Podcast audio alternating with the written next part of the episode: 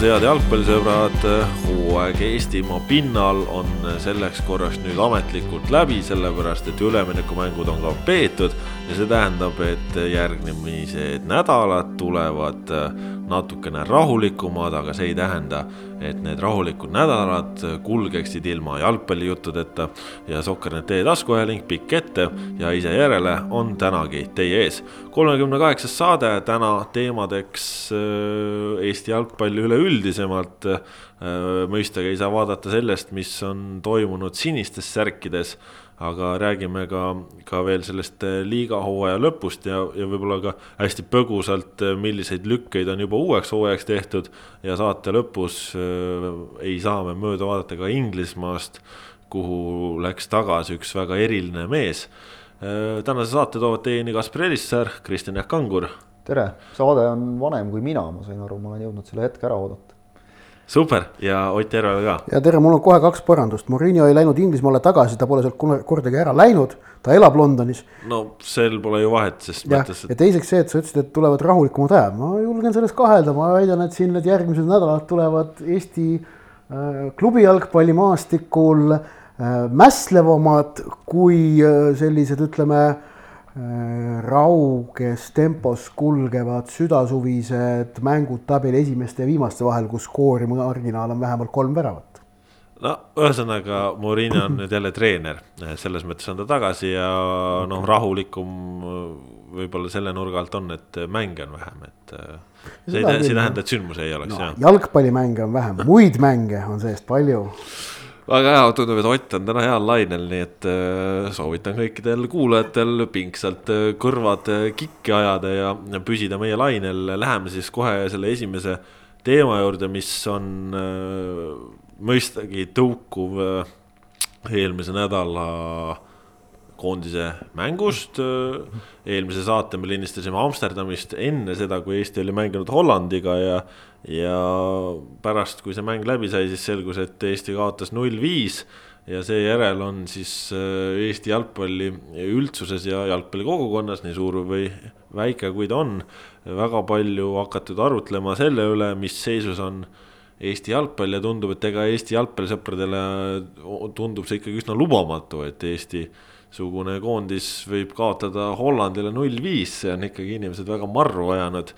ja noh, eks kui sinna juurde panna veel selle, et noortekoondised on ka kaotanud ja üldsegi mitte siis nii suurtele jalgpalliriikidele, vaid natuke väiksematele ja ka päris suurte skooridega. siis äh, tänane selline esimene, võib-olla kõige sobivam küsimus ongi, kas kõik on halvasti? Kristjan äh,, Kristjan Jaak, mis sa arvad? Ehm, ja ütleme, ma saan aru, mille pealt see küsimus tuleb siin hea, hea kolleeg Kaarel Tall Õhtulehest just kirjutas ühe, ühe hästi siira ja, ja hästi meeldiva, seetõttu hästi meeldiva arvamusloo. Ehm, vot positiivset emotsiooni me ei ole A-koondisest enam päris, päris, päris kaua aega tegelikult nagu saanud. ja, ja, ja, ja kuidagi see on kerinud selle termomeetri ikka nii punasesse, et et, et tõesti noh, inimesed juba kipuvad nagu vaata uhkusega ütlema, et umbes, et ma ei vaatagi seda A-koondist, et jama on. et, et noh, ühesõnaga see nagu sellest noh, noh, võib nagu mõnes mõttes aru saada, teistpidi, kui nüüd nagu objektiivselt vaadata, siis siis noh, kindlasti ei ole selles, sellepärast nagu pekkis, et meil see, see valitsükkel läks nii, nagu ta läks ja et et, et me nüüd Hollandile nagu null viis kaotasime, et noh, see skoor nagu noh, okei okay,, ilus ta loomulikult ei ole, siin ei ole ju mõtet musta-valgeks rääkida. nagu ei, ei olnud nii mõnigi skoor ilus siin äh, selle valitsükli jooksul. teisest küljest äh, mida ma isiklikult, noh, sellest me oleme oma saates juba nii palju rääkinud, et, et kas Karel Voolaid peaks jätkama, ei peaks jätkama, ma siis ütlen ka hästi lühidalt, jah, peaks küll, sellepärast et esiteks on mõttetu hakata poole aasta järel jälle uut meest tooma, kes hakkab jälle mingeid uusi asju proovima teiseks äh, mänguliselt on näha, et, et ta püüab mingeid ideid juurutada ja koondis läheb sellega kaasa. seda me nägime ka minu meelest äh, Amsterdamis. Et okei okay,, siin võib rääkida, me olime null kaks kaotusseisus siis, kui Eestil oli see parim periood mängust esimesel poolajal, kus, kus pall liikus ja, ja, ja nagu tehti, tehti asju ja, ja rünnati ja, ja võib rääkida umbes, et ah, Holland lasi, no ei lasknud nad ka nüüd nii väga midagi, et, et, et, küll nad ka tahtsid mängida ja ja, ja see, see oli positiivne, seal oli seda julgust, seda, mida tahaks nagu just ennekõike näha, aga huvitav ongi see, et kui ma ka vahel vaatasin mingit järelkaja sellele, siis siis oli ka selline seisukoht umbes, et Eesti ei suutnud üle kahe-kolme söödu jälle kordagi mängu jooksul teha, noh. okei okay,, need inimesed nagu ilmselt ikkagi ju vaatasid mängu, et, et ju siis see negatiivne foon on juba nii suur, et sa näedki ainult negatiivset. et sa näedki ainult halba, sa näedki ainult seda, kuidas Kostja Vassiljev venitab mingi sööduga, sa ei näe seda, kui ta mingi sööduga kellegi leiab või, või ütleme noh, mingisuguse liikumisega mingit vastased kuidagi mängust välja viib ja, ja noh, hakata umbes nokkima siin selle kallal, et, et Erik Sorga nüüd mööda lõi oma ühe hea võimaluse või, või seal teisel poolel ühes olukorras tegi halva puute, noh, see on, see on täpselt selline negatiivse otsimine, aga, aga noh, ma nagu inimlikult mõistan, miks seda negatiivset otsitakse. aga kui tulla nüüd selle tulemuse juurde, siis vaatame seda meie valiktsüklit korraks tegelikult. et noh, me jäime ikkagi selgelt, jäime hätta Saksamaa ja Hollandi vastu, siin ei ole küsimustki absoluutselt, täiesti teine maailm aga kui vaadata nüüd, et me mängisime tegelikult, eks ole, Põhja-Iirimaaga mängisime üks-kaks ja null-kaks. Valgevenega mängisime samamoodi üks-kaks ja, ja null-null. ja ma vaatasin huvi pärast, mulle tundub see nagu olevat tendents ja et, et noh, saada siis sellele kinnitust või, või siis enda peas tekkinud tunne ümber lükata, ma vaatasin äh, seda viimast äh, koondise akna, neid viimaseid valikmänge. see tendents minu meelest tundub ikkagi olevat üsna selgelt sinnapoole, et, et selliseid Äh, pakke tulebki ehk et klassivahe nende päris tippude, päris suurte ja, ja korralike keskmike vahel tegelikult äh, käriseb, et, et kui võtta nüüd, et, et see viimane aken, eks ole, kus siis kõigil koondist, noh, peaaegu kõikidel koondistel oli, oli kaks mängu, siis äh, pakke ehk siis suuremaid kui viieväravalisi, viieväravalisi või suuremaid kaotusi, neid oli kümme tükki kokku, okei okay,, jätame sealt välja selle, et, et Taani ja Šveits äh, kuus-null ja kuus-üks Gibraltarit peksid, noh, nad on kääbused, San Marino samamoodi on kääbus, Venemaa võitis neid viis-null. Eesti ka äkki? noh, okei okay., ei selles mõttes Eestit ma siia ei pannudki nagu, et need on veel peale Eesti need tulemused, noh, siin võib vaielda, Malta ütleme, eks ole, on ka olnud selline noh, pisike riik, Hispaania tegi neile seitse-null. aga kui vaatad, et, et siin, kes siin nagu kaotasid veel, noh, Montenegro Inglismaalt seitse tükki võttis välja. Leedu Portugalilt kuus tükki, Põhja-Iirimaa läks sakslaste vastu ette, siis löödi kuus vastu. noh, Maltast oli juba juttu, Küpros Belgia vastu üks-kuus, Rumeenia Hispaanialt Rumeenia, jalgpalliriik justkui. MM-i veerandfinalist üheksakümmend neli. täpselt, meeskond, kes on nagu alati osanud mängida, on pigem olnud nagu nende meeskondade seas, kes on seal finaalturniirile pääsemise piiri peal nagu minimaalselt parematel päevadel ka finaalturniiril Hispaanialt null viis või siis noh, Armeenia, eks ole, kes tegelikult tegi üsna korraliku valiktsükli, sai nüüd Itaalialt lõpetuseks selle üks-üheksa ketuka. Armeenia mängis ju Bosniaga vähemalt viigi välja või võitsid kodus, võitsid kodus, kodus võitsid ja, ja võitsid kusjuures mm. suhteliselt nagu noh, teenitult korraliku mänguga mm. -hmm kümme punkti minu meelest oli neil lõpuks kokku grupis, et, et okei okay,, noh, neil oli ka selline tasavägisem grupp, eks ole, kus ka Soome, et ühesõnaga see see tendents nagu minu meelest kipub sinnapoole minema, et, et nendest, nendest numbritest nüüd ei maksa nagu nii noh, kohutavaid järeldusi teha, ütleme ka, mis oli ju ka Mainzi katastroofi, noh. see null kaheksa ei olnud nii hull, kui see mängupilt, mida me nägime, eks ole, seal. et, et noh, selles osas on, on minu meelest selgelt ikkagi näha nagu edasiminekut, mis, mis meid Hollandis või Amsterdamis nüüd noh, nii-öelda ära tappis kahjuks ma olen nõus äh, sellega, mida Ott kirjutas äh, mängu kokkuvõttes, et see, et Karol Mets hakkas palliga ise tulema ja tõusma, oli põhimõtteliselt nagu õige mõtteviis. lihtsalt ta tegi seda nagu väga vales kohas ja valel hetkel ta ei raalinud välja, et see pole see moment. ja noh, kaotas palli, sealt tuli vastu. jah, ta, ta, ta eksis, on ju, aga põhimõtteliselt on tema nagu maneer oli õige et niimoodi tulebki mängida julgelt, noh muidu nagu noh, nagu Ken Kallaste ütleb minu arust ikkagi kuldselt, et pigem kaotada sellise mänguga null viis kui pikka palli ekstes null, palli ette pekstes null kaks. ja sellega ta võttis tegelikult kokku ju kogu selle mõtteviisi või hoiaku või suundumuse, mida nüüd Karel Voolaid on proovinud äh, oma kuue senise mänguga meeskonda süstida. et, äh, et ja nendest kuuest mängust siis noh, neli on toimunud hirmkõvade vastastega, Euroopa top kümme satsidega. et tuleb ikkagi ise proovida mängida. ja, ja noh, lihtsalt praegu no ütleme, seda on keeruline nõuda nüüd Eesti jalgpallisõbrad, et nüüd kannatage see ka veel ära. et, et äkki siis midagi helgemat kätte jõuab, aga, aga samas on seis see, et kui ilma, ilma nagu seda asja juurutamata noh, on väga väike tõenäosus kuhugile jõuda. Siis me hakkamegi saama neid null kahtesid, noh, mis on jah, ütleme skoori poolest ilusad, aga mängupilt meenutab, ütleme noh, pigem rohkem seda, seda Ukraina mängu, kus, kus oli teisel poolajal üks, üks ütleme noh, üliväike periood kus, kus nagu Eesti oli ka täiesti nagu mängus sees.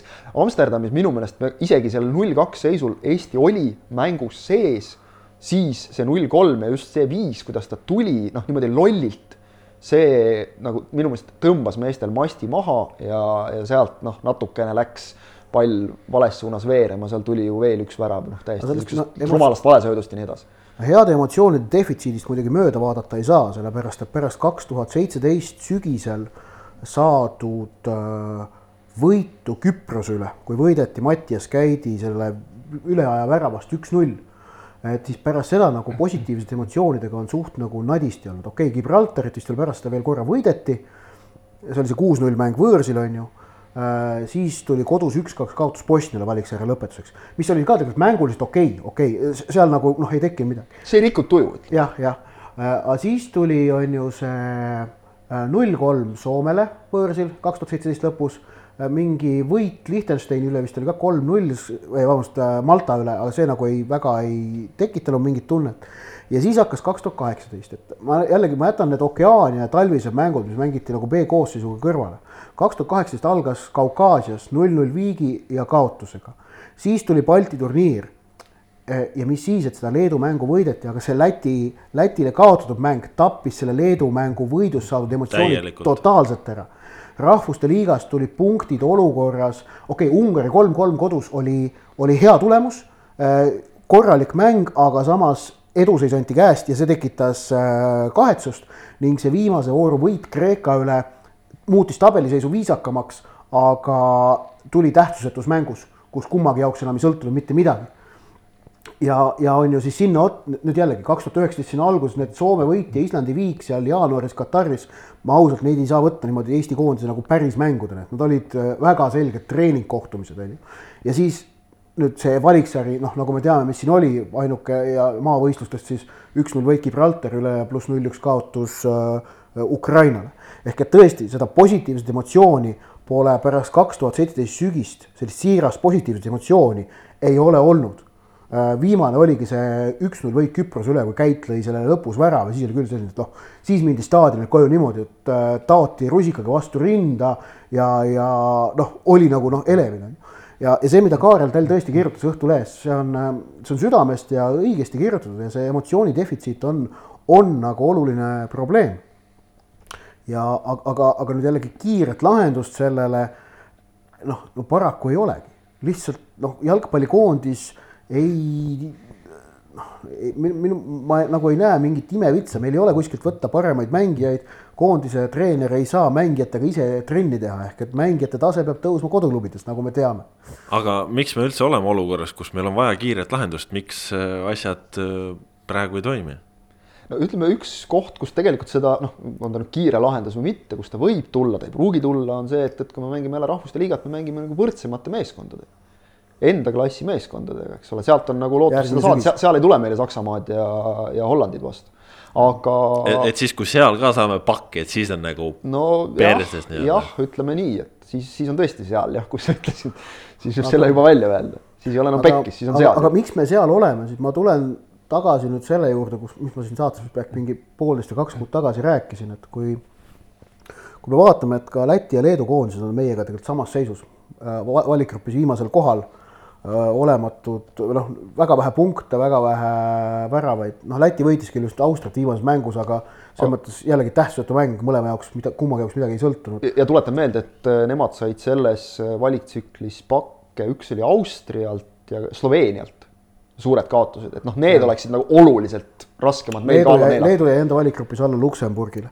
et äh, kolm Balti riiki, kõik on väga kehvas seisus ja ma endiselt äh, väidan või noh, ma tähendab, see nagu süvendab minus nagu arvamust, et see on seotud sellega, kus Balti riikide ühiskonnad praegu oma arenguastmes on, millised on ühiskonnaliikmete prioriteedid, kuivõrd palju ollakse nõus võtma riske ja panustama tippsportlase karjäärile pärast seda, kui on tekkinud ütleme, lootus, arvestav lootus ja võimalus inimestel tagada endale selline suhteliselt turvaline ja hea standardiga lääne inimese elu. äh, lääne-euroopalik elustandard ja, ja noh, paistab, et äh, noh, see, see ei ole loogiline, et kõigil kolmel Balti riigil on nagu korraga selline kehv seis. minu meelest see, tähendab, see ei, loogika ütleb, et see ei ole juhus, et seal on mingi nagu selline sügavam põhjus. Nüüd tulles Eesti konkreetsete, Eesti, Eesti konkreetse nagu olukorra juurde, siis äh, noh, jätkuvalt ei saa ümber ega üle vaadata on ju taristust, mis on, mis, mis, mis, mis seab noori jalgpallurite arengule teatud piirid. nüüd öeldakse, et kunagi kõik, kuidas, kuidas tulid Ooper, Zelinski, kuidas tuli Klaavan, kuidas tulid, kuidas tulid Piira ja Stepanov, on ju, kuidas tulid Pareikod ja Poomid, et nad tõusid ikkagi esile ajal, kui maailma jalgpalliturg ei, ei olnud niivõrd globaalne, nagu ta on praegu. tehnoloogiline revolutsioon Äh, tähendab, et äh, praegu naljalt ei lähe enam ükski talent kaduma, olgu ta kuskil Aafrikas, Aasias, Lõuna-Ameerikas, Kesk-Ameerikas, kuskil Mehhiko madalamates liigades, kõik mängud, noh, ütleme kõik mängude salvestamine, nende järelvaatamine, nende skautimine on muutunud niivõrd palju lihtsamaks, et see maailma, see jalgpalliturg on muutunud palju globaalsemaks. ehk et ma väidan, et omal ajal äh, Eesti, ütleme eelmise põlvkonna tipud ei pidanud konkureerima nii teravates tingimustes, siis oli see jalg, Euroopa jalgpalliturg Euroopa kesksem. aga miks meil ei ole neid talente, keda nii-öelda kogu Lääne-Euroopa ei suuda maha magada? Nojah, noh. hea küsimus. ma ütleks selle kohta. seal on küsimus, kas neid talente ei ole või neid talente ei osata kasvatada noh, talent, talent vajab ju, ega talent üksinda noh, tippu ei tõuse, ta vajab ikkagi õiget suunamist, on ju. ja noh, noh, selle kohta meil ei ole piisavat äh, ajalugu, et otsustada, kas, et, et anda sellist ammendavat nagu hinnangut, et et mis praegu võib äh, olla probleem Eesti treenerite oskuste juures. aga, aga mulle et..., mulle natukene tundub, et siin tegelikult äh, tulebki see, see Ott, see sinu jutuga, see seostubki ära, et kui ma siin eelmisel nädalal lugesin Eesti Ekspressist, et koolilapsed ei oska enam kükki teha ja, ja kehalise kasvatuse õpetajad ütlevadki, et isegi äh, nagu need lapsed, kes on nii-öelda trennilapsed, et nende füüsiline võimekus, nende tasakaal, need kõik asjad on jäänud kehvemaks, sest nii-öelda seda muud liikumist on nii palju vähem. lapsed sõidavad oma hoverboard idega, mille iganes, et mitte ei käi jala. vanemad toovad autoga trenni kooli, mitte ei käi jala, ei sõida rattaga. et see noh, ütleme, et siis üleüldine, see ongi Eesti ka noored ongi muutunud siis laisemaks, pingutavad vähem ja, ja, ja, ja kui ei ole kõvasti töötajaid, siis, siis noh, pole ka, pole ka vahe, mida võib-olla treener teeb. Räägime ka kolleeg, põgusalt kolleeg Andres Vaheri äh, loost neljapäevases Postimehes, kus ta tegi, ta tegi Amsterdamis intervjuu endise Eesti koondise peatreeneri Jelle Hussiga. ja, ja Jelle Huss tõi seal välja, et noh, kuidas nagu Hollandis noortetöö käib. Äh, tsiteerin kui varem oli Hollandis U kuusteist vanuses nädalas neli treeningut ja üks mäng, siis nüüd kuus kuni kaheksa treeningut ning vähemalt üks mäng. paljudes klubides on igal noorel arenguks eriprogramm, nendega tegelevad oma eriala asjatundjad, kaitsjatega kaitse ja ründajatega ründespetsid ja nii edasi. samuti individuaalse tehnika ja söödutreenerid ülevaade on ka nende magamisest, toitumisest ning sellestki, kas nad vaba aja veedetakse FIFA või mõne muu videomänguseltsis. ja see on U kuusteist vanus ja see on see äh, detail ja nüanss, millesse minnakse Euroopa tippriikides. ja palju on meil U kuusteist vanuses treeninggruppe, kellel on see luksus, et neil on kaks treenerit meil oli ju selles mõttes nagu suur, suur sündmus oli see, kui siin, see on vist mõned aastad tagasi umbes, kui Andres Ooper võttis nagu ründajad ette. noortekoondiste omad siis? noortekoondiste omad jah, just, eks ole, ja, ja noh, juba nagu välja valitud, eks ole. mis mulle jäi sellest Jelle Hussi äh, intervjuust, äh, mis tõesti oli väga hea intekas, lühike, aga võttis nagu väga hästi need olulised teemad kokku. Äh, jäi silma, oli see, et üks läbiv sõna oli seal, klubides klubides, klubides, klubides. kui tulla korraks nüüd tagasi, me juba kaldume sinna selle noorte jalgpalli poole, kuhu me pidimegi minema, aga kui tulla korraks tagasi A-koondise kokkuvõttes see teema läheb sinna niikuinii, et miks, miks, miks me nagu noh, me, siis me tahtsime rääkida sellest, miks noortekoondised said meil õudsed pakid, et U üheksateist tegi kolme mängu peale null viisteist ja U kakskümmend üks sai null kuus Serbialt. just, et see, see on tegelikult noh, nagu oluliselt suurem probleem kui see, et, et A-koondis kaotas null viis aga, või isegi null kaheksa, vahet ei ole. aga kui ma korraks hästi kiirelt põikan nagu tagasi veel selle A-koondise juurde, enne kui me jutuga sinna läheme, siis äh, arvutame kokku, kui mitu kui mitu päeva aastas veedab A-koondis koos? Jätame kõrvale jaanuaris või aasta alguses, aasta lõpus, millal iganes, eks ole, see ei ole A-koondis, kes siis koos käib, see on B-koondis, isegi C-koondis teinekord. viis korda, viis koondisjakat, kahe mängu kaupa. ükskõik, kuidas neid päevi sealt ka kokku lüüa, kui nagu väga heldelt ka jagada, sealt noh, see on esiteks on see alla kümne päeva, see on kaheksa-üheksa päeva. mehed tulevad üle Euroopa enamasti, osad Eestist, ülejäänud üle Euroopa kokku siis on sul, sul on seal sees, enamasti on seal reisimine, seal sees on mängupäevad, seal jääb väga vähe öö, trenne tegelikult. ja täpselt nagu Ott enne ütles ka, et, kui sul on mingid põhimõttelised probleemid näiteks kaitsemängus, siis, siis neid seal ei, ei paranda selle kiire hetkega. ma jäin mõtlema seda, et küsimus kuulajatele ja, ja võib-olla teile ka, et millal tegi viimati Eesti A-koondise jalgpallur selgelt ülemineku tugevamasse klubisse. millal viimati oli selline kord, kus, kus selgelt liiguti edasi, ma jäin nagu tõsiselt mõttesse. kas äkki, ma ei tea, Karol Mets Hollandisse või noh, sest et praegused koondislased on Ra kõik... Ragnar Klavan Liverpooli. noh, jah, see oli kerge edasiminek tõesti, nõus, et, et, et noh, ja noh, tegelikult ei ole naljakas et ongi, need ongi nagu need reaalsed variandid, et kui sa praegu vaatad seda praegust A-koondist, siis tegelikult Tõniste kõigil. Branni.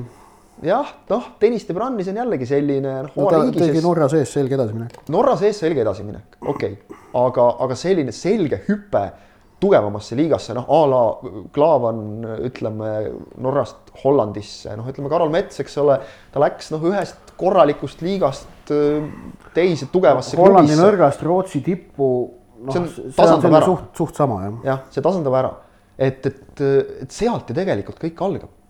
sealt ju tegelikult kõik algab, kui meil, eks ole, Ojamaad, Kallastet teevad noh, ikkagi tegelikult selles mõttes sammu tagasi, jumal tänatud, et nad mängida saavad. see on kõige tähtsam praegu. noh, Kallast ei ole mängida saanud kogu aeg, nüüd õnneks sai enne seda Hollandi mängu ja kohe oli näha, mismoodi see mehele mõjus. et, et sellest ju kõik algab, koondise, A-koondise treenerid töötavad ju selle materjaliga, mis tuleb klubidest ja selles mõttes isegi noh, oleme pigem nagu rõõmsad selle üle, et, et need mehed, kes tulid siit äh, Eesti liigast, kes on Eesti liigas sel hooajal teinud läbilöögi nagu, nagu Kreidad, Sorgad, et, et nad näitasid, et nad veavad koondises ka välja. minu meelest ka näiteks Konstantin Vassiljevi puhul see, et, et noh, ühtepidi võib nagu öelda, et hakkab vanaks jääma, teistpidi minu meelest Hollandi mängus ja, ja ka Ukraina mängus oli just näha see, et ta on nüüd aasta aega mänginud Eesti liiga tempos ehk et kohati on noh, see harjumus, mis isegi temasugusel kogenud mehel on juba lööb nagu sisse, et sul on siin lihtsalt nii palju rohkem aega pöörata, vaadata, sööta, mõelda, seal ei ole seda aega.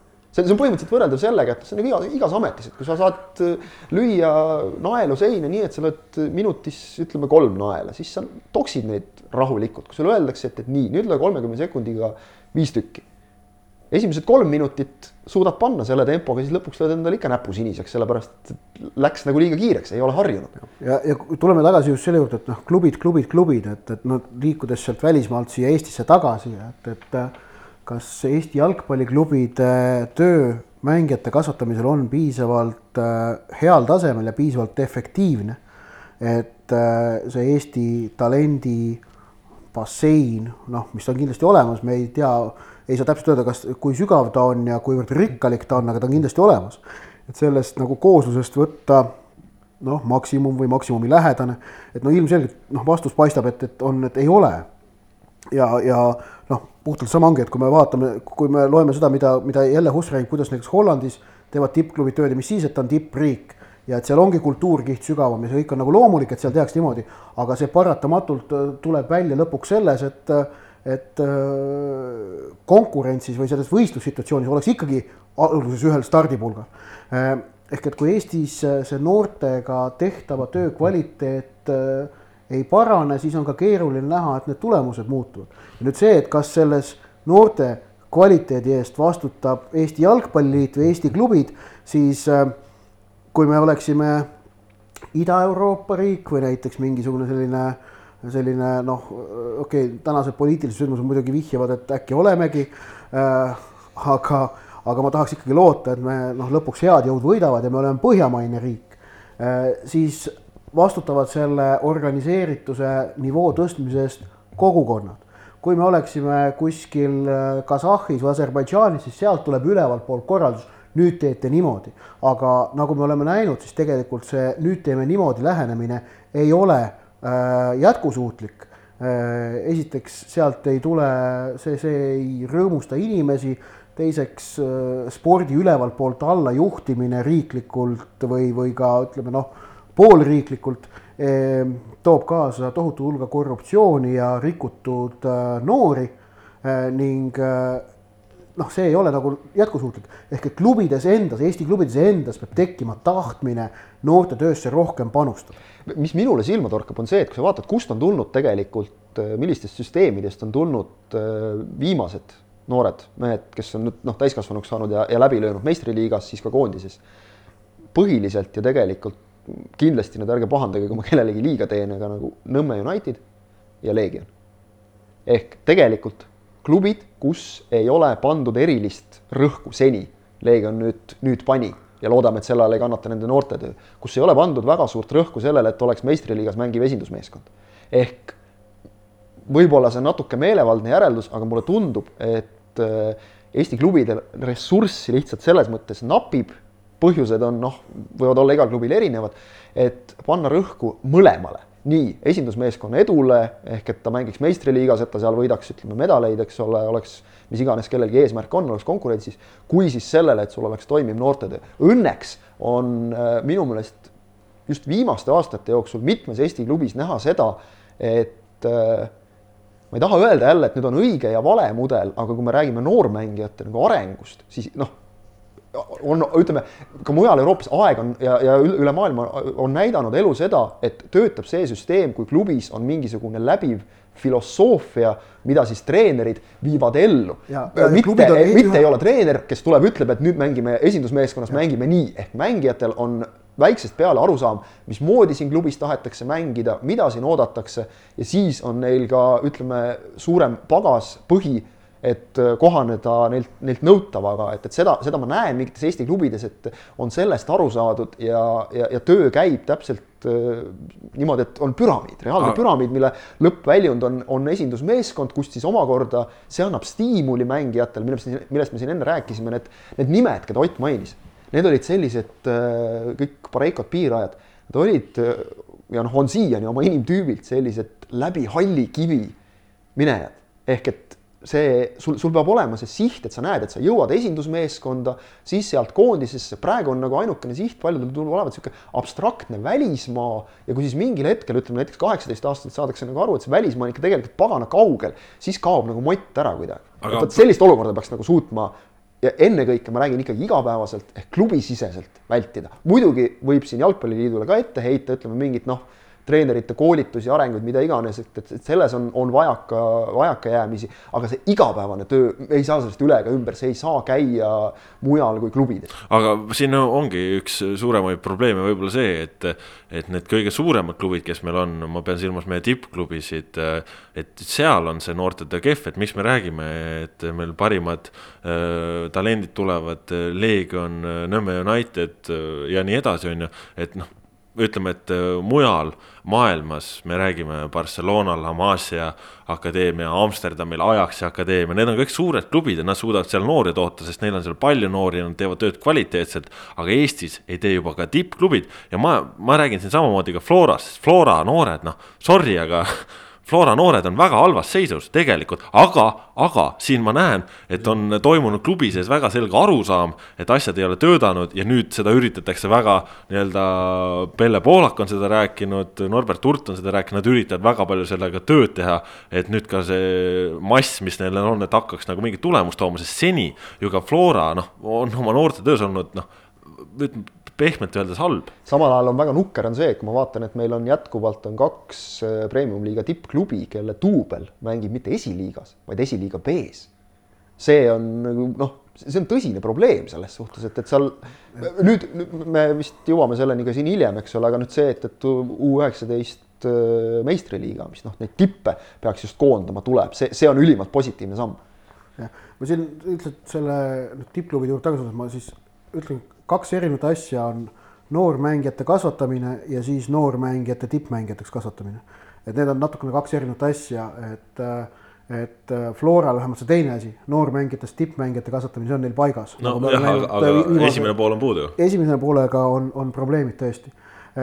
ja see oli üks asi, teine asi, ma tahtsin öelda seda, et, et mis nagu on minu meelest positiivne, ma üha rohkem nagu näen ja kuulen, et erinevad mitte nüüd siis isegi Eesti tippklubid, vaid väiksemad klubid, kes ei, kelle esindused ei mängi premium-liigas, on enda jaoks üha rohkem selgelt välja mõelnud ja paika pannud enda positsiooni, et mis nad on, mis on nende ambitsioon, mis on nende eesmärk, kas nad on kasvatajaklubi, noh, täiesti puhas kasvatajaklubi, kas nad on selline nõnda öelda poolkasvatajaklubi, kelle ambitsioon esinduses piirdub mingi teatud tasemega ja aga, aga et parimad noored, kui neil nagu noh, kael hakkab niimoodi kandma, antakse vabaks ja las lähevad kuskile, kus on kõrgem ambitsioon. et üha rohkem selliseid klubisid Eestis öö, ja noh, on, on tekkinud, kes on endale selle asja välja mõelnud ja see on väga tähtis. et sest see tähendab eesmärgi pärast on ju ja mõistlikku tegutsemist. et ei ole lihtsalt selline, et teeme õhinapõhine, teeme jalgpalliklubi ja noh, kihutame nui neljaks kuskile edasi, see on, see meenutab natukene üheksakümnendate Eesti korvpalli, kus iga ärimees pidi endale oma korvpalliklubi tegema, et natukene tõsiseltvõetav olla.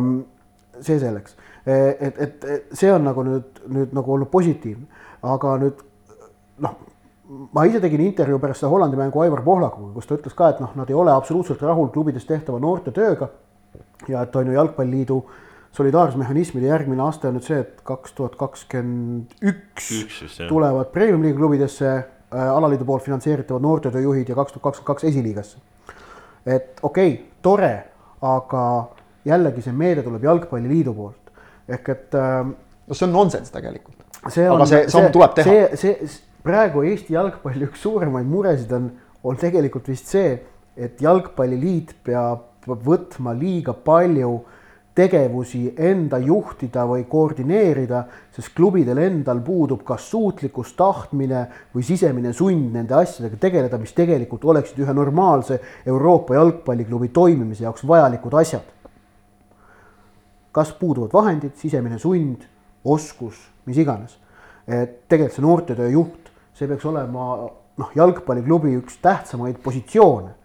Tähtsam kui see, kas sa tood endale sinna uue brasiillase või uue ukrainlase äh, mingit, mingit äärt mängima või ründavaks poolikuks, kellega sa lööd äkki kuus väravat hooaja peale ja teenid kümme punkti rohkem. noortetöö juht on sellest tähtsam kui need kümme punkti.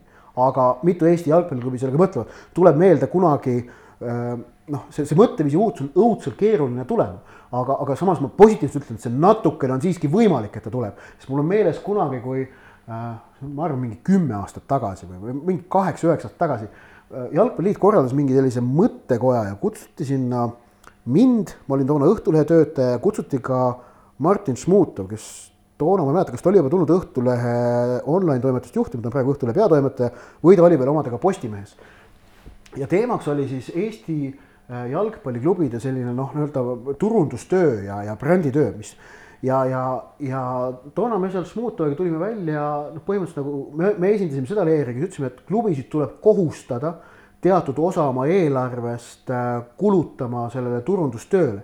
et neil ei ole õigust öelda, et ei, me tahame osta äh, kotitäie palle või, või saata mingi noortesatsi kuskile turniirile, kui neil on äh, mingi noh, kindel hulk vahendeid kulutamata turundustööle. me, me ütlesime, et noh, et, et, et sest muidu nad ei saa aru, et see on tähtis. toona oli probleemiks siis see, et äh, kõrgliiga või ütleme, esindusvõistkonnad kõrgliigas olid nagu noh, täiesti nagu turundamata. ja toona oli see muidugi, et noh, et öeldi, et noh, niimoodi ei saa, et noh, ei, ei tohi niimoodi noh, põrkusime, ma mäletan, Šmutoviga seal vastu nagu sellist seina põhimõtteliselt sellise juhtumiga, kuidas niimoodi ähm, ma väidan, et nüüd me kaheksa-üheksa aastat hiljem oleme jõudnud olukorda, kus kõik premium-liiga võistkonnad saavad aru sisuliselt või klubid, et äh, see on nagu koht, kus tagasi ei ole võimalik tõmmata. et äh, noh, see on noh ja, ja kõik tegelevad oma selle turunduse ja avaliku kuvandiga, sest see on nagu klubi jaoks samamoodi noh, püsiväärtus ja see on see pikaajaline asi, millele saad ennast ehitada, samamoodi nagu noortetöö No, erinevalt see... sellest just nimelt brasiillasest või ukrainlasest või, või ka siinsamast Eestis kuskilt toodud tegelasest. no see turunduspool ongi ju kõige lihtsamalt see, et eh, mida rohkem inimesed, sinu kogukond teab sinu kohta, seda rohkem nad tunnevad huvi, seda rohkem nad toetavad sind, seda Ja rohkem see- nad on sul staadionil, seda rohkem huvitub, keegi annab sponsorit. tekitab seda sisemist sundi ennast organiseerida kõrgemal tasemel. sul tekib mingi vastutus kellegi Just. ees endal ka, positiivne vastutus. just, just. No see on see, mida me noh, ma arvan, kõige paremini näeme tegelikult praegu Tartu Tammeka ja Viljandi tulevikuga Premium liigas, kus on tekkinud just nimelt see sisemine vastutus kogukonna ees, kes sulle iga noh, nädala või kahe tagant on sul staadionil kohal, sa vaatad neile otsa et noh, Viljandis on see nagu sellisem tihedam, sest Viljandi on väiksem linn, aga põhimõtteliselt toimib minu meelest ka Tammekas samamoodi. et noh, et äh, Tallinn on teistsugune koht ja samas näiteks vaata, kui suure sammu näiteks ka Paide edasi astus selle nurga pealt, et ühe aastaga, kui palju on võimalik tegelikult ära teha, et. jah, jah. jah, aga kui sa, kui sa panustad, eriti arvestame, et, et Paide ju tegelikult noh, ikkagi ei ole igapäevaselt Paide meeskond, et, et see ka tingimata ei ole näitaja. ehk et kui, kui sa noh, ikkagi lähed, tõmbad selle Paide särgi selga ja, ja, ja mängid iga kord üheksakümmend minutit hingega ja teed tööd selle nimel tõesti ja, ja noh, inimesed näevad, ega see ei jää ju märkamata, on see, et, et, et näed, et teised panustavad sellesse klubisse, järelikult see klubi on midagi väärt kui sa näed, et sellesse noh, nagu eriti ei, ei panda ka, pannakse ainult sellesse, et oleks võidud ja edu, noh, seda, seda on siin ju proovitud küll ja veel, eks ole, et, et me oleme, ma ei tea, mitmekordsed Eesti meistrid või umbes, et, et noh, me, me mängime Kadriorus, küll rahvas tuleb, noh, ei, ei tule, ei tule selle peale, midagi ei ole teha lihtsalt, see, see ei tööta.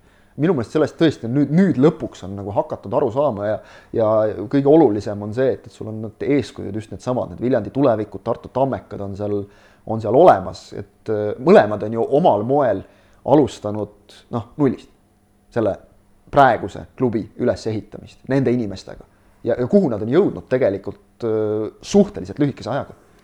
Äh, ühesõnaga see olukord äh, no, tundub natukene sedasi, et, et võib-olla siis nagu jalgpalliliit on süüdi selles, et nad on liiga palju teinud, et äh, inimeste ootused on, on natuke läinud kõrgeks või ütleme, et noh. no ei tea, kindlasti no. on, kindlasti on liit teinud ka vigu, loomulikult on teinud, siin ei ole noh, nagu selles mõttes küsimustki ja, ja ega nüüd meie jutu mõte ei ole ka see, et nüüd otsime nüüd selle süüdlase üles, et noh, nagu ikka Eesti see põhi- põhiteema, et keegi peab süüdi olema, kes süüdi on. Siin, siin võib öelda samamoodi, et süüdi on mingil määral on, on liit mingite asjadega, võib-olla on puusse pannud klubid, nagu rääkisime, mingite asjadega on puusse pannud, sama hästi võib äh, süüdistada mängijaid, kes siin tulenevalt Oti väga õigest jutust on, on läinud heaoluühiskonnas liiga mugavaks. ei, ei lõhu enam see trenni ei ole, teha. see ei ole, nad ei ole süüdi selles, vaid see on nagu loomulik valik. ja, ei, aga ma ütlen, ma suurem- ütlen, et noh, mis me, mis me saame sellest, kui me siin nüüd ükshaaval Eesti, süüdistama Eesti jalgpalli kõige suurem probleem on öö, kul-, õhuke kultuurkiht. see on vastuvaidlematu, et see niimoodi on.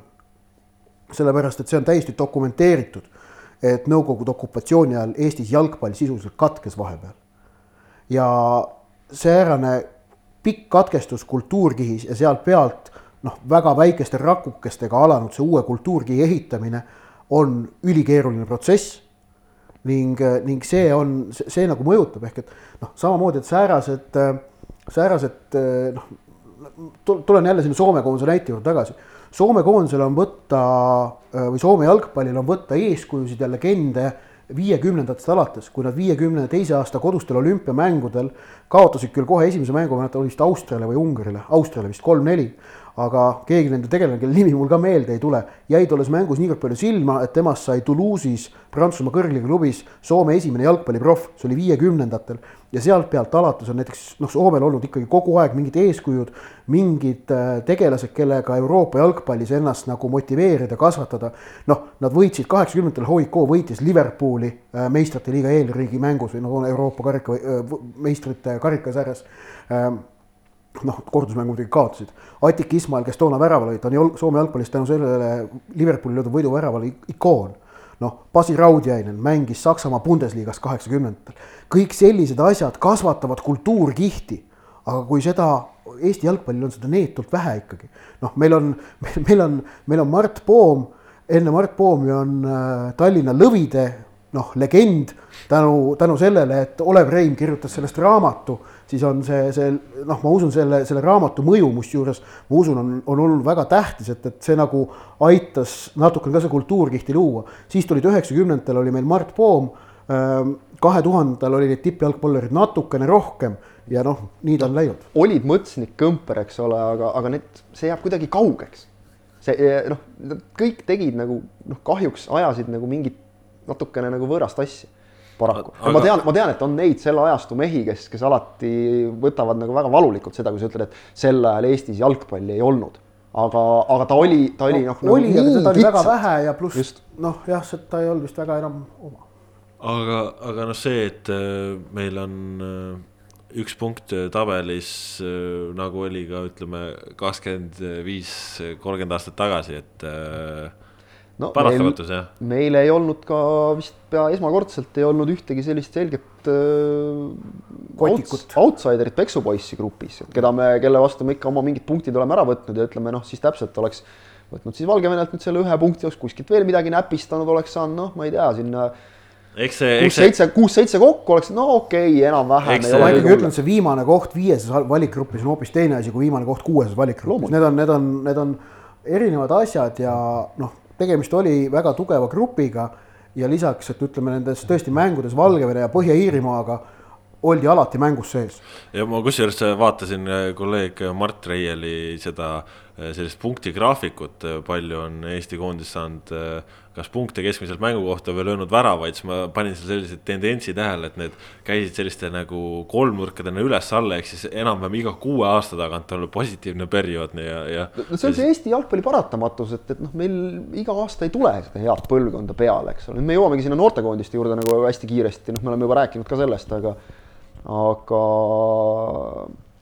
aga, aga noortekoondiste juurde tulles, eks ole, et, et noh, nüüd meie nagu need tohutud lootused on nagu selle U seitsmeteistkümne peal, et, et noh, ma, ma vaatasin siin mingil hetkel nagu, nagu ise seda ka, et, et et oli meil siin see U seitseteist mm, mida me ise näitasime just praegu, eks ole, et isegi maailma tippjalgpallis on see, et, et ega tegelikult need, kes on, kui sa vaatad näiteks mingite suurriikide neid maailmameistriks tulnud koondisi ja vaatad siis seda koosseisu, et kui paljud sealt siis äh, jõudsid äh, A-koondisesse välja või noh, üldse tippjalgpalli välja, ega neid ei ole isegi neil hirmus palju, okei okay,, seal võib rääkida, et, et noh, kes mis hetkel nagu, nagu, nagu tõuseb, kes mis hetkel vajub, eks ole, konkurents on nii tohutult suur.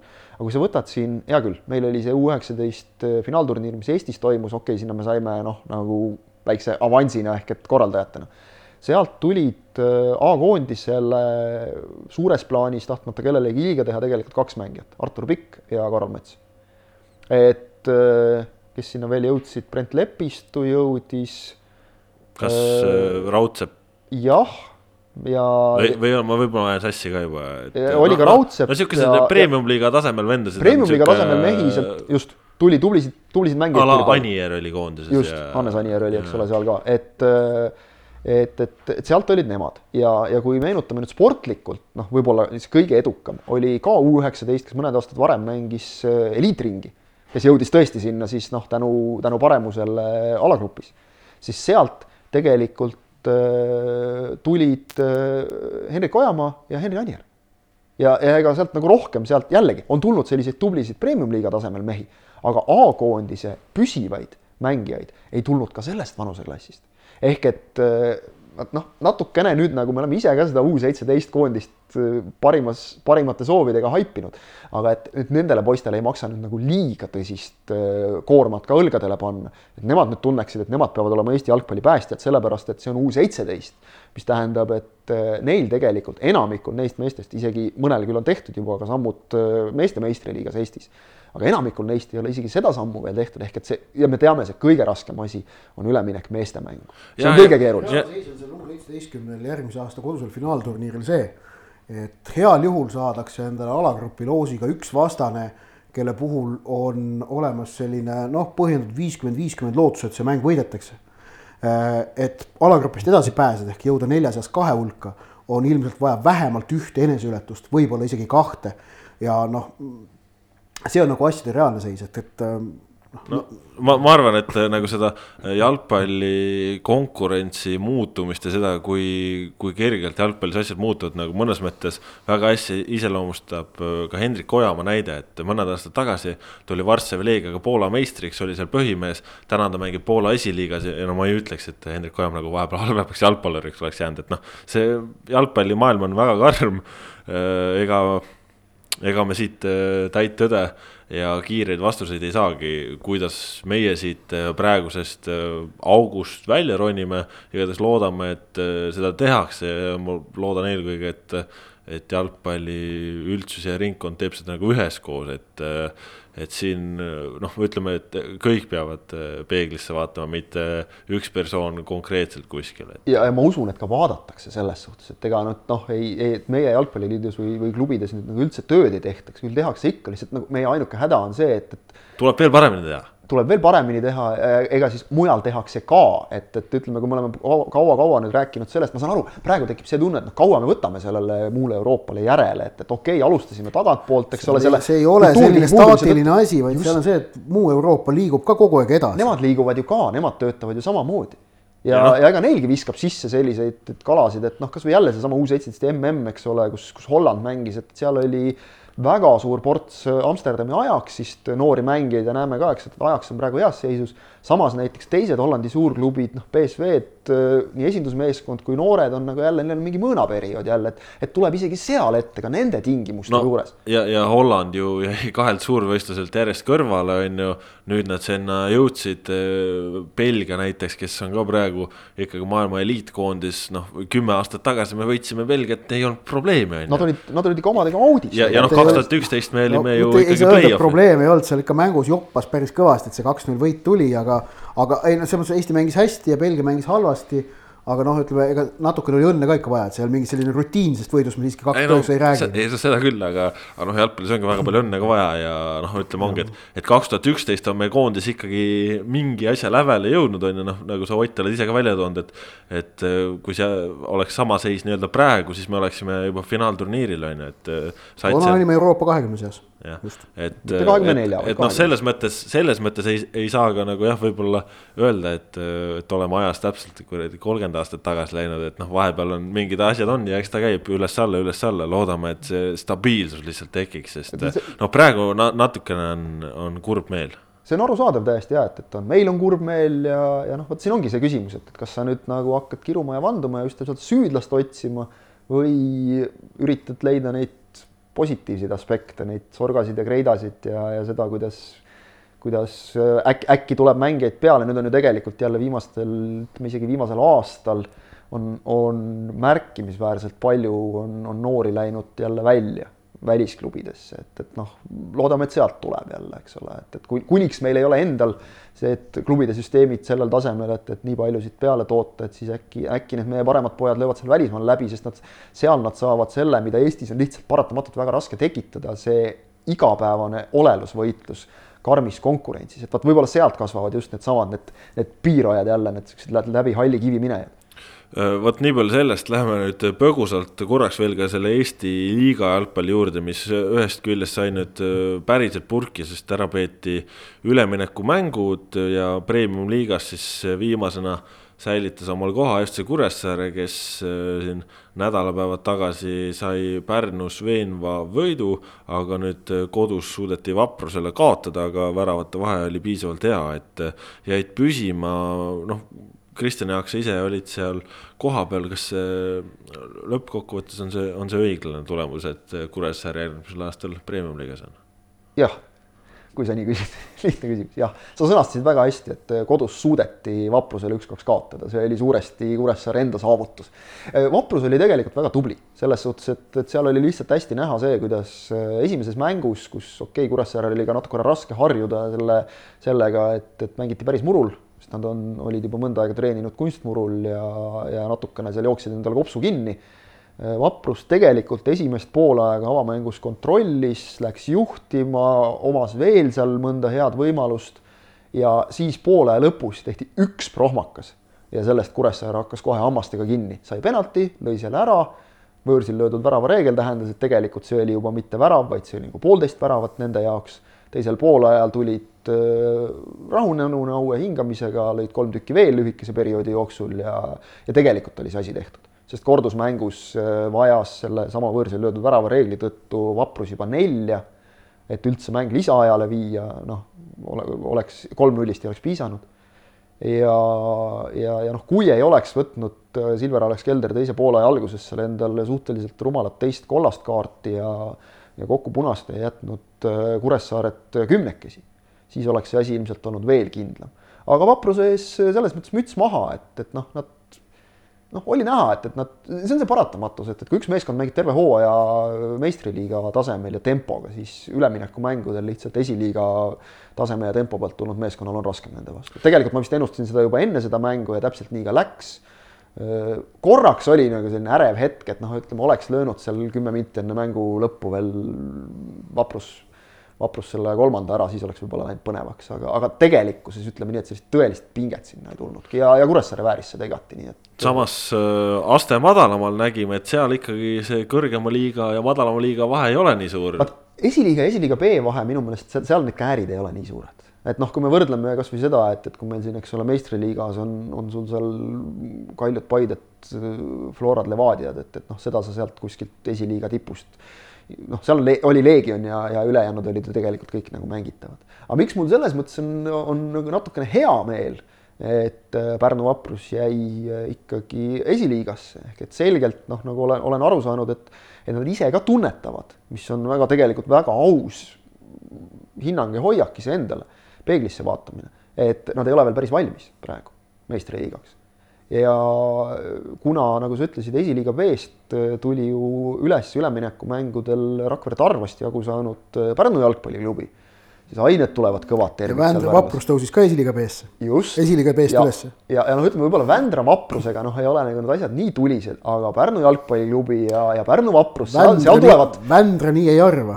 Vändra nii ei arva muidugi jah, aga no ütleme üleüldse, seal tulevad kõvad, kõvad, kõvad äh, Pärnu või, või Pärnumaa derbid, et, et kui siin Pärnu juba praegu sai esiliigas äh, väga korralikud numbrid oma kogukonnajuhi hea töö tulemusena tribüünile kokku, siis, siis ma ei välista üldse, et seal neljakohalist saab näha, et, et see see, see on kõva, et, et noh, ma loodan, et, et see, see annab esiliigale vürtsi juurde, et kui me vahel siin nagu kurdame, et mingid liigad lähevad Tallinna keskseks, siis nüüd, nüüd meil on nagu Pärnu keskne esiliiga, aga, aga las ta olla, see on. Kaspar hakkab järgmine aasta meil päris palju ülekande vist Pärnust olema, on ju. no ilmselt hakkab jah, ilmselt hakkab. noh, rannastaadion on ilus staadion, võib näidata küll, ei ole hull. Ott, aga noh, ütleme premium-liiga hooaeg nüüd sai purki pandud, aga siin ikkagi osad klubid juba väga aktiivselt toimetamas ja, ja Levadia väga jõuliselt siin alustanud, lisaks sellele, et on palju lepingupikendusi tehtud, siis Nõmme Kaljust toodi Robert Kirss omale, Soomest SJK-st toodi omale Trevor Elhi äärekaitsesse sellised noh, ütleme parimas jalgpalluri eas noored, nooremapoolsed eestlased Levadias seal on ikkagi mingisugune paradigma muutus toimumas või? sest noh, ütleme, et Robert Kirsi kohal mullu oli välismaalane. jah, no ilmselt on küll kerge paradigma muutus ja noh, Martin Reim tahab praegu tuua enda võistkonda mängijaid, keda ta tunneb, kas siis noh, noortekoondise ajast või, või keda ta muidu noh, puhtalt sellepärast, et ta on Eesti jalgpalli niivõrd pikalt siin näinud, keda ta hindab ja, ja noh, ta selliste noh, kindlalt teada-tuntud tasemel Eesti jalgpallureid ta praegu endale sinna, sinna ju on toomas. võimalik, et neid uudiseid tuleb siin lähiajal veel, et noh, et noh, on ju tegelikult üks-kaks meest veel, kes on põhimõtteliselt selles mõttes noh, nõnda öelda saadaval või niimoodi, eks näis. Ähm, ja mõlema puhul on nagu tegemist sellise väga noh, hea täiendusega, noh, Trevor Elchi eriti, et noh, et esiteks on see, annab ju äh, Äh, Levadiale vasakkaitses võimaluse, et noh, Dmitri Kruglov ei pea tervet hooaega uhmerdama. ja paremkaitses samamoodi, et Markus Jürgenson ei pea tervet hooaega uhmerdama. ja, ja Elhi on samal ajal võimeline mängima ka vasakäär, vasakäärt, kui vaja on. ja Kruglov on võimalik mängima. just, et noh, et sul on, sul seal, seal nagu suurendab võimalusi puhtalt seda võistkonda nagu laiendada, suurendada natukene sisemist konkurentsi. Robert Kirss, äh, noh, ütleme nii, et me võime vaadata, et noh, Pavel Maaril läks, Robert Kirss tuli, et selles mõttes seal nagu selline suhteliselt üks-ühele asendus äh,. Il-, noh, Pavel Maarilile oli ilmselgelt oli, tal oli vaja sellist nagu värsket äh, impulssi ja ju siis tundis ka Robert Kirss, et tal on mingit värsket impulssi vaja. aga muidugi, mida see tähendab Nõmme Kalju jaoks KTM reeglit silmas pidades, on omaette teema, sellepärast et noh, nii palju kui on kuulda, siis nii Reginald kui Vitali Teles on ikkagi lahkumas Nõmme Kaljust ja, ja see tähendab, et noh, klubil võib sellega, võivad tekkida teatud mingisugused probleemid ja raskused ja ja ma ei ole nõus Kuno Tehvaga, kes ütles, et see on Eesti jalgpalli probleem, et ei, see on Nõmme Kalju probleem, et nad KTM reeglit, KTM reegliga pole suutnud aastate jooksul kohaneda. Ütleme jah, aega on selle jaoks ju nagu antud, aga, aga Levadial noh, selles mõttes on loogiline, et Levadia vahetas peatreenerit, eks ole, ja, ja võib-olla siin seda teeb nii mõnigi teine klubi veel siin ka tippudest, aga, aga noh, see on loogiline, eks ole, ja tegelikult on nagu väga mõistlik, et, et üks asi, mis on see, et, et need solidaarsusmehhanismid, mis nüüd tulevad, eks ole, sellega kaasneb raha.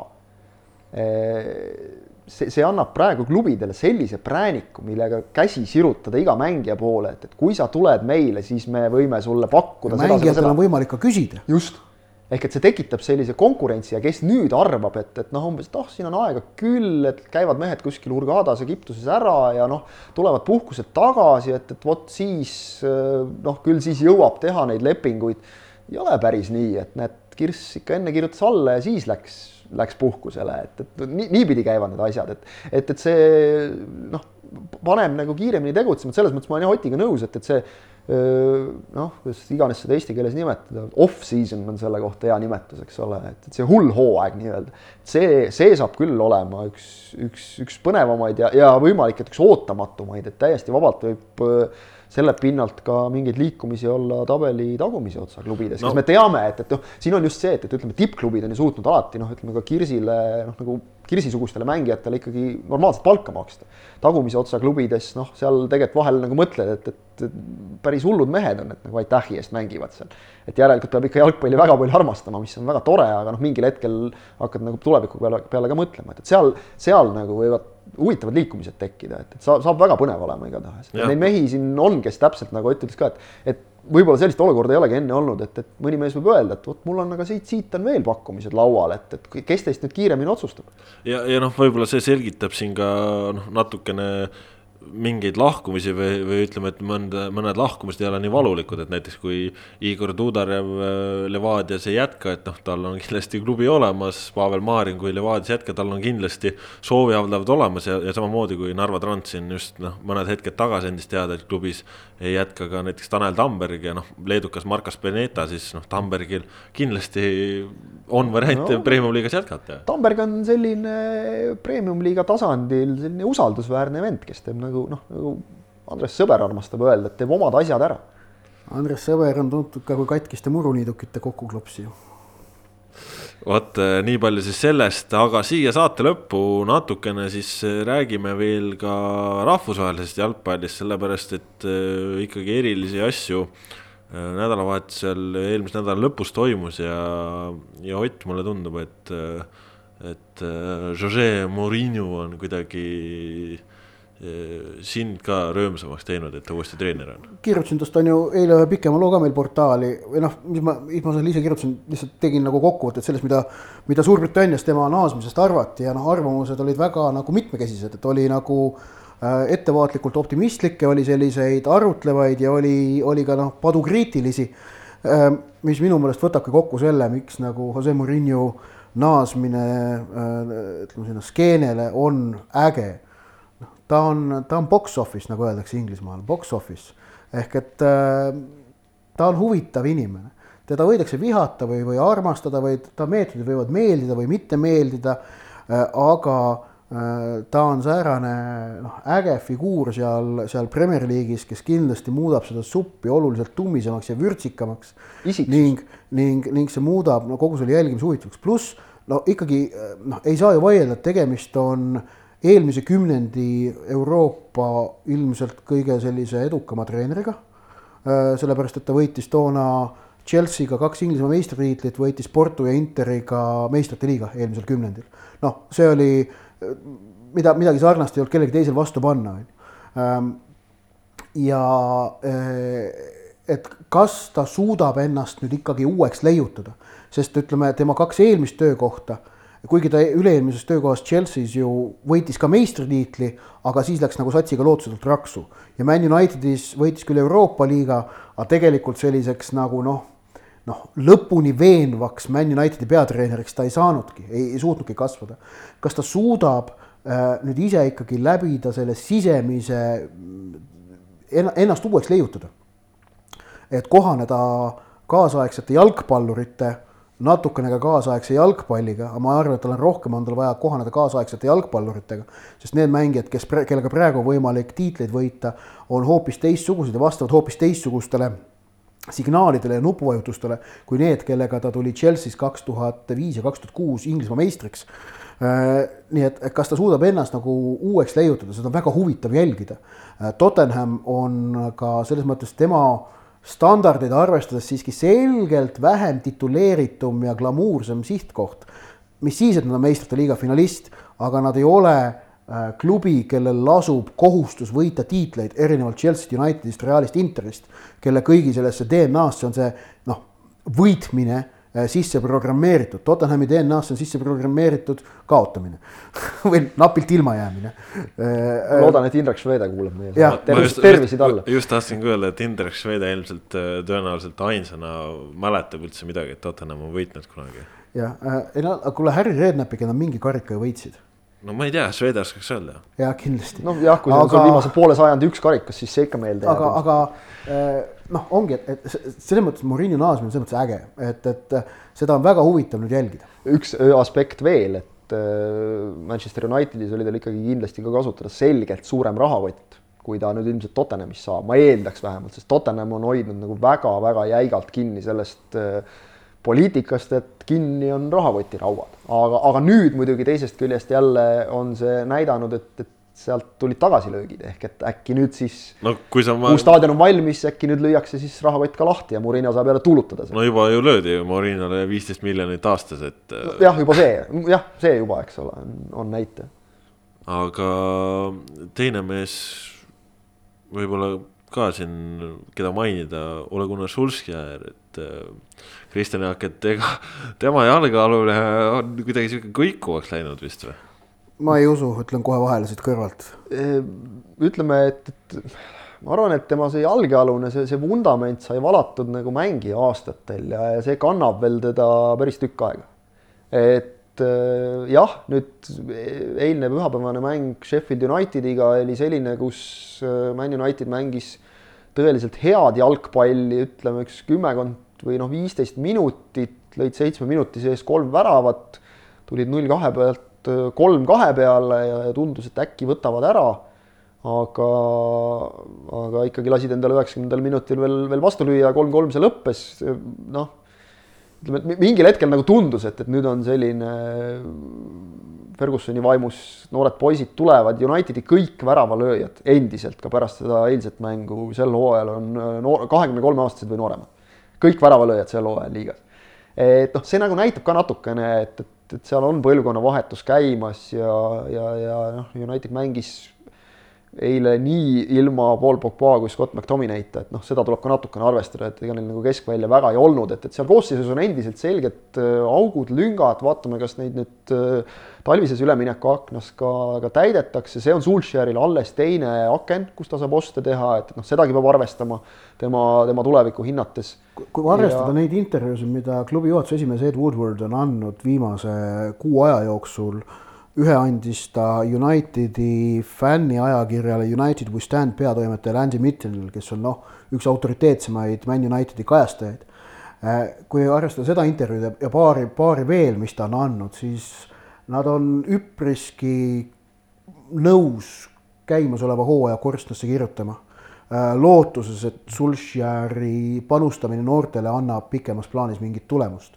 ja korstnasse kirjutamine tähendab seda, et et noh, kui meistrite liiga kohta ei tule ka tänavu, pole seal midagi hullu ja kuna Euroopa liiga koht on, on Unitedi jaoks niikuinii peenraha, siis ütleme ka sellest ilmajäämine pole, pole midagi nüüd katastroofilist ja noh, ütleme praeguse seisuga paistab tõenäoline, et nad jäävad ilma sellest, et noh, et nad esineliku vormi nad küll kuidagi ei näita, et sealt, no sealt peaks Leicester mingi väga katastroofiliselt ära kukkuma, noh, City või Chelsea või Liverpooli ärakukkumist niikuinii pole võimalik näha.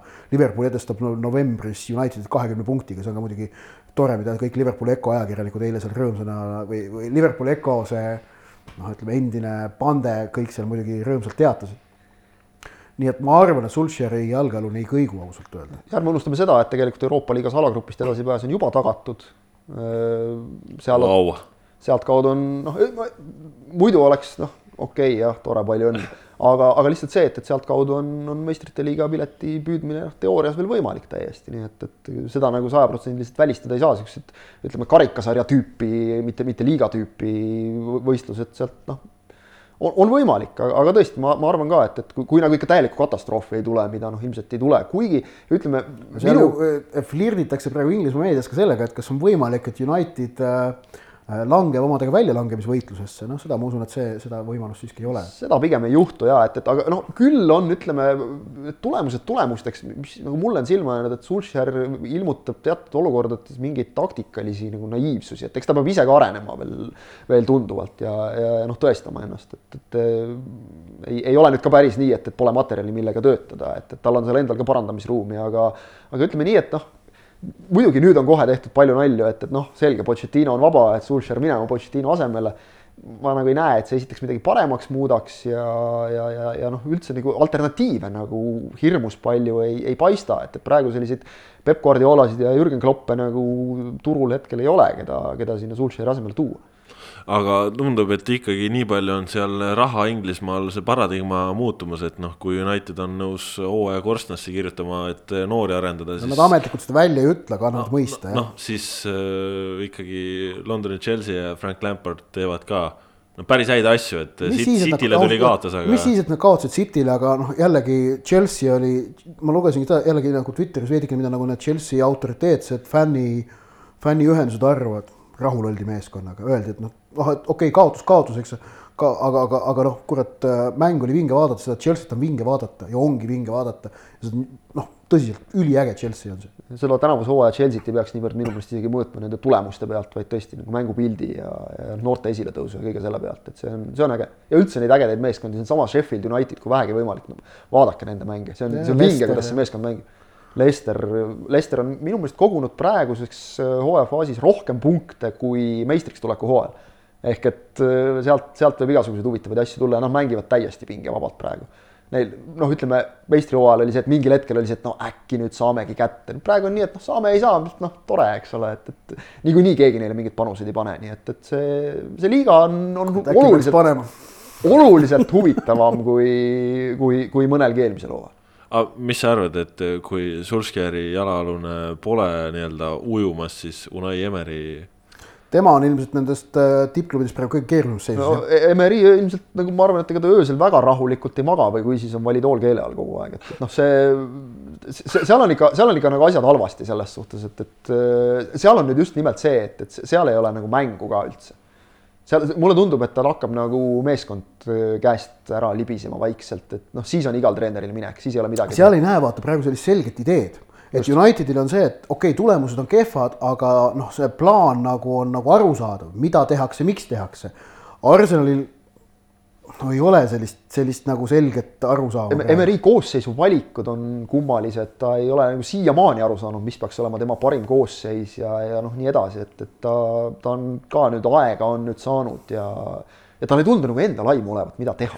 no ja väravahi osas ei ole, ta ei oskagi mitte midagi teha, no Hein pole siiamaani põhi, põhisetsis nagu mänginud saanud no,. mees tegi, mees tegi nullimängu, eks ole, siin alles ja, ja ei saa peale, noh no, müst-, müstika müstika. väikene vimka ka siia siis. tore on selle vimkaga see saade kokku tõmmata, kolmekümne kaheksas saade. panime üle tunni no panime muidugi üle tunni, jälle sihuke normaalmõõdus saade, et siin vahepeal sihuke alakaalulised eh, need, kus siin ikka talvel peab ikka ennast nuumama, et siis oleks eh, jõudu ja rammu see külm aeg üle elada. igatahes aitäh, et eh, sealekk ja hapukapsast. no see aeg tuleb sul kuu aja pärast, aga võid juba praegu valmistuda, Ott. ma sõin verivorsti üks päev alles, ei ole siin mingi kuu aja pärast nalja teinud no tundub, et siis oleme jõululainel, nii et. Äh, jõuludeks ei taha ma ei autot ega korterit, vaid ühte jõuluporterit. super, selline oli kolmekümne kaheksas saade, saate tõid teieni Kaspar Elisser, Kristjan Jaak Kangur, Ott Järvela, kuulake meid jälle, kui tahate meilt midagi küsida, pange needki teele. vastame siis, kui on meil vähem juttu, nii et äh, aitäh ja adjöö